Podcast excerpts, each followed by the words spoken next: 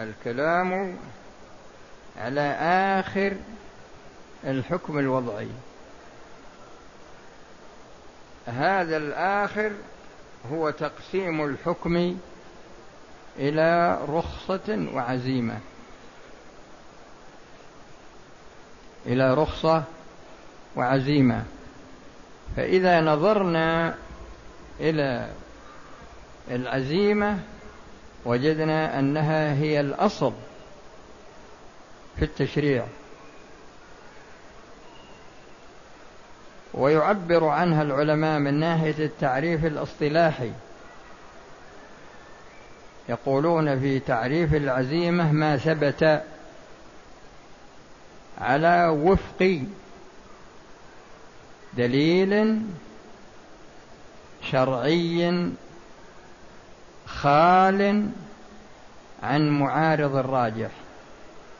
ما ثبت على وفق دليل شرعي خال عن معارض راجح. وتأتي فيها الأحكام الخمسة أو الستة. يعني يأتي فيها الوجوب التحريم والندب والكراهة والإباحة وخلاف الأولى.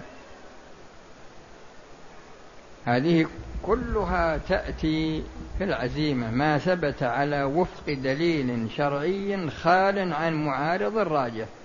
وتأتي على هذه الوجوه وسبق لكم تعريف الواجب وتعريف المندوب إلى آخره. الرخصة يقال في تعريفها اصطلاحا ما ثبت على خلاف دليل شرعي لمعارض راجح. ما ثبت على خلاف دليل والمقصود بخلاف الدليل يعني العزيمة لأن ما فيه رخصة إلا وهي مسبوقة بعزيمة. ما فيه رخصة في الشريعة إلا وهي ما فيه رخصة إلا وهي مسبوقة بعزيمة. فالأصل هو العزيمة والفرع والرخصة جاءت على خلاف الأصل. والرخصة تكون واجبة. الرخصة تكون واجبة بمعنى أن الشخص يجب عليه أن يأكل أن يأخذها أن يأخذ بها. يجب عليه أن يأخذ بها. آه، المثال لهذا إذا اضطر إلى أكل الميتة أو شرب الخمر أو أكل لحم الخنزير بمعنى أنه لم يجد ما يأكله ولا يجد ما يشربه إلا الميتة والخنزير في الأكل والخمر في الشرب. هل نقول إنه مخير بين أن يأكل ويشرب أو نقول إنه يجب عليه أن يفعل ذلك لعموم قوله تعالى ولا تلقوا بأيديكم إلى التهلكة. والجواب نعم يجب عليه أن يتناول من هذا المحرم ما يسد رمقه فقط. فإذا فرضنا أنه يسد رمقه كيلو لحم من الميتة لكن ما شاء الله يمكن أنه إذا أراد يملأ بطنه يأكل له ستة كيلو عشرة كيلو. لكن يدفع حاجته كيلو واحد. فنقول إنه يتناول ما يسد الرمق ولا يزيد. آه، بعد هذا القصر لأن قلنا واجب ومندوب. قصر الصلاة في السفر. قصر الصلاة في السفر. لو صلى الصلاة تامة نقول إن صلاته صحيحة. لكن لو صلى الصلاة ركعتين الظهر العصر العشاء. صلاة الركعتين أفضل من أربع ركعات في السفر. والجمع أفضل من صلاة من من من من أن يصلي كل صلاة في وقتها. لأن الله يحب أن تؤتى رخصه. أن تؤتى رخصه. فيه فيه نوع أيضا وأحب أنبهكم عليه لأنه ذكر المباح يعني واجب ومندوب ومباح. ذكر هنا أن المباح هو تعاطي عقد السلم لأنه على خلاف عقد البيع.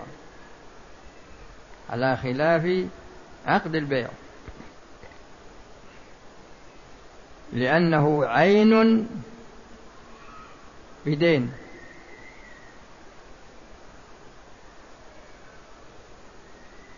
في هذه الحال هل نقول إنه يجري عقد السلم أو نقول لا يجري؟ هم ذكروا هنا أنه من المباح. وفيه كلام للعلماء أحب أنبهكم عليه علشان يستفيد منه من يفهمه.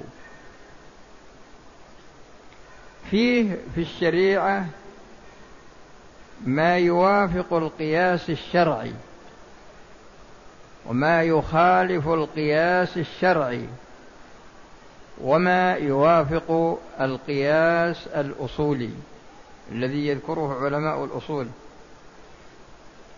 فالقياس الشرعي هذا من نفس الشارع وليس للمكلف فيه فعل. فإذا نظرنا إلى قاعدة الأمر وجدنا أنك لا تستطيع أن تحصي المأمورات. لا تستطيع. لكن نقول القياس في قاعدة الأمر أن الله لا يأمر إلا بما فيه مصلحة.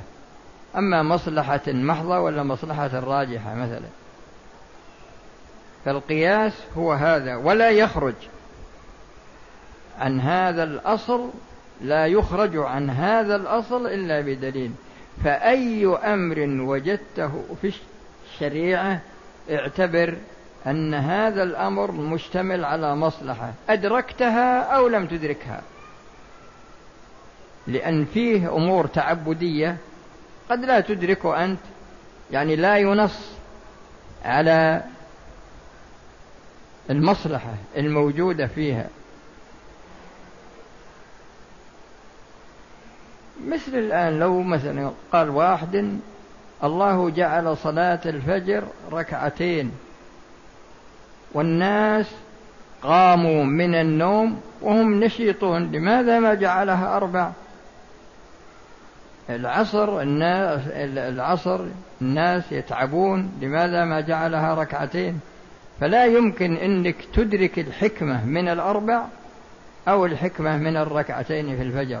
المقصود إن هذا الباب يقولون الأصل فيه التعبد بمعنى أنك تمتثل ولم ولو لم تعرف الحكمة. لكن الله لم يشرعها إلا لحكمة.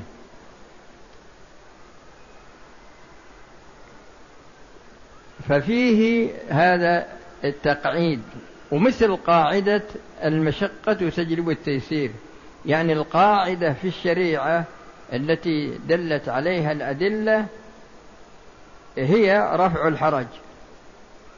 ما يريد الله ليجعل عليكم من حرج. هذه الآية هي أبلغ آية في القرآن في نفي الحرج. ما يريد الله ليجعل عليكم من حرج. وكثير في القرآن يعني الآيات التي تقررت هذه القاعدة على أساسها.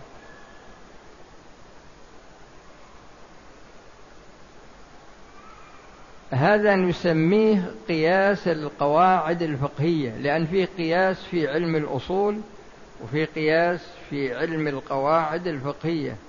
نقول القاعدة العامة أو القياس الشرعي أن كل شيء حصل فيه مشقة خارجة عن المعتاد فإن الشرع وضع الرخصة لرفع هذه لعدم ارتكاب هذه المشقة. فعلى هذا الأساس قاعدة المشقة تجلب التيسير هذه تدخل فيها جميع الرخص. جميع الرخص تكون داخلة فيها. ومثل ما نقول الأمور بمقاصدها. هذه تقررت عن طريق استقراء الأدلة من القرآن ومن السنة. وجميع الأدلة التي دلت على هذا هي الأدلة الدالة على الإرادة من المشروع من المخلوق. أو أو التصريح بالنية مثل إنما الأعمال بالنيات وإنما لكل امرئ ما نوى. فتارة يصرح بالإرادة من المخلوق وتارة يصرح بالنية. فالقاعدة متقررة وعلى هذا الأساس ما يخرج عن هذا الأصل القياسي الشرعي عمل بدون نية ويثاب عليه الشخص. ما يخرج منها إلا باستثناء من الشارع نفسه. لأن هذا يدل على أن النية أصل في العمل. لكن يعمل عملا لا ينويه ويثاب عليه هذا يحتاج إلى دليل من الشارع يستدل به على عدم إلحاقه فهذا يسمون قياس شرعي سواء كان في علم الأصول أو كان في علم القواعد الفقهية. فيه ما هو مستثنى القسم الثاني مستثنى من القياس واستثناؤه من القياس هو استثناء من القياس الشرعي. هو استثناء من القياس الشرعي لأن القاعدة العامة في المعاملات أن يكون المبيع مثلا عين بدين حاضر. مثلا. لكن نأتي إلى السلم نجد أن العين نجد أن الثمن مقدم وأن العين مؤخرة.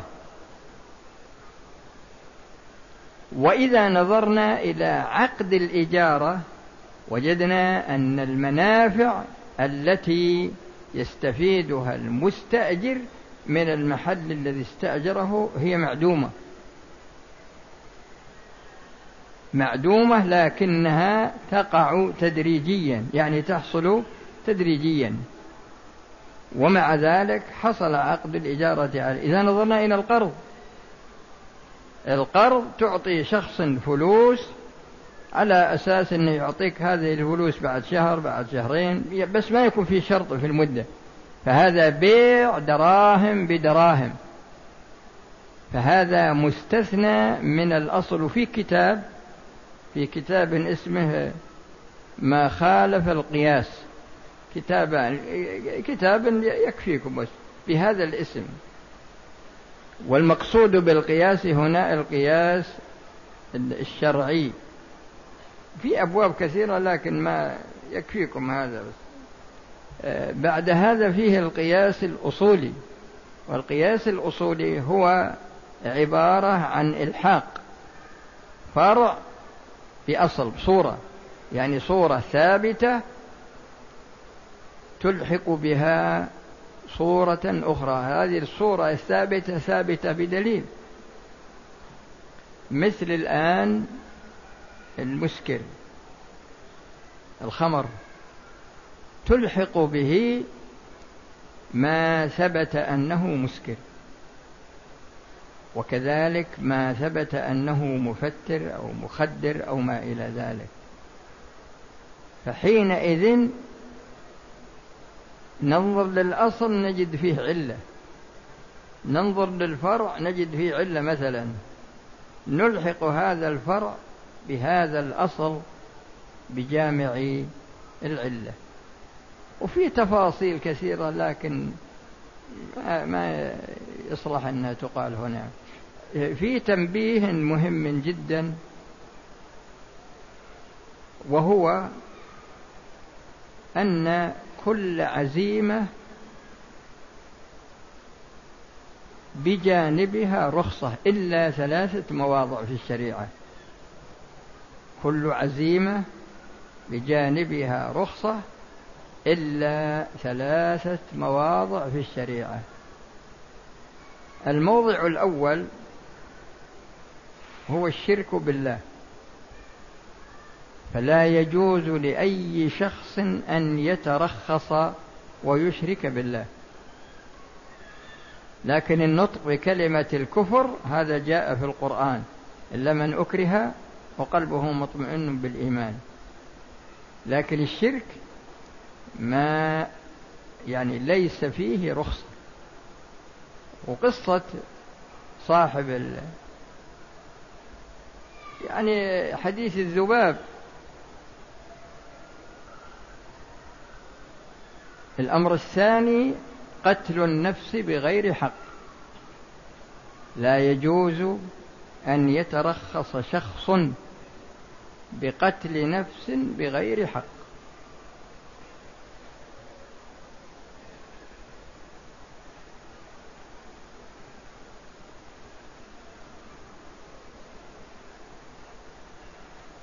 إذا التقى المسلمان بسيفيهما فالقاتل والمقتول في النار.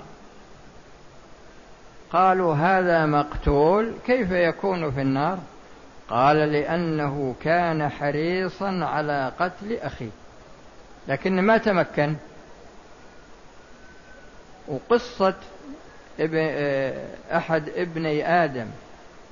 إذ قرب قربانا فتقبل إلى آخره إلى أن تمكن أحد الابنين بقتل الآخر أو من قتل الآخر فقتله.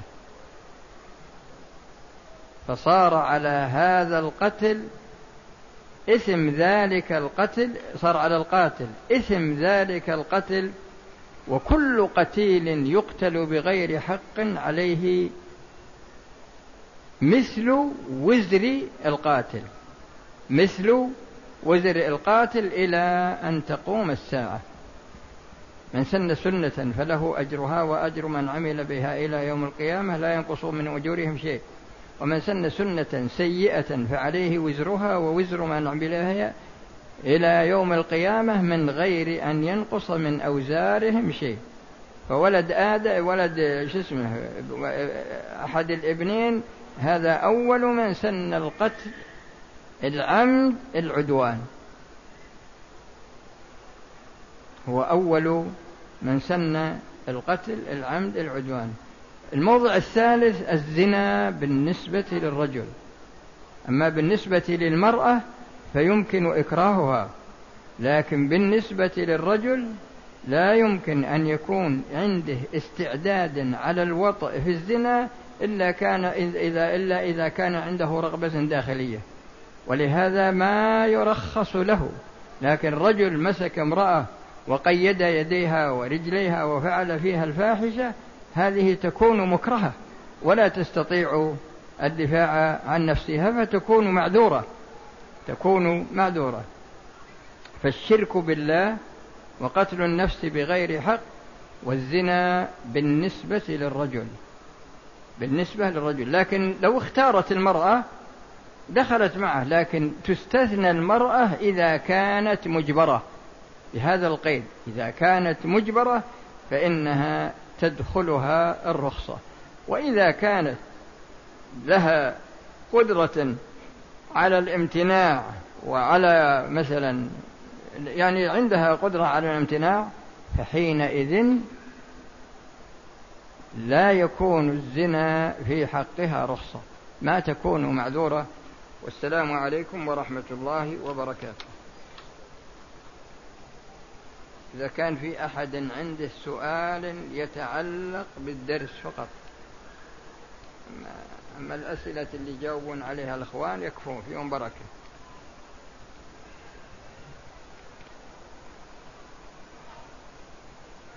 وهذا يقول هل العطر قليل؟ إيش؟ يدخل في كونه أنا ذكرت أمرين. الأمر الأول اختلاط المحرم بالمباح والثاني اختلاط المبا... الطاهر بالنجس. طاهر بالنجس والحكم للغالب لا للمغلوب. وإذا تساويا فدرء المفاسد مقدم على جلب المصالح.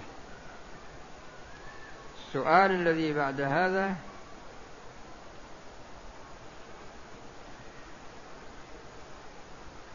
هذا يقول هل يجوز السؤال عن الحكمة في الدين؟ القاعدة الشريعة منقسمة إلى قسمين. القسم الأول ما كان الأصل فيه التعليل وهذا بإمكانك أنك تسأل عن الحكمة لأن منها ما هو منصوص عليه ومنها ما يستنبط بالاجتهاد. أما ما كان الأصل فيه التعبد فإنك تقتصر على العلة على الحكمة التي نص عليها. خلاص والسلام عليكم ورحمة الله وبركاته.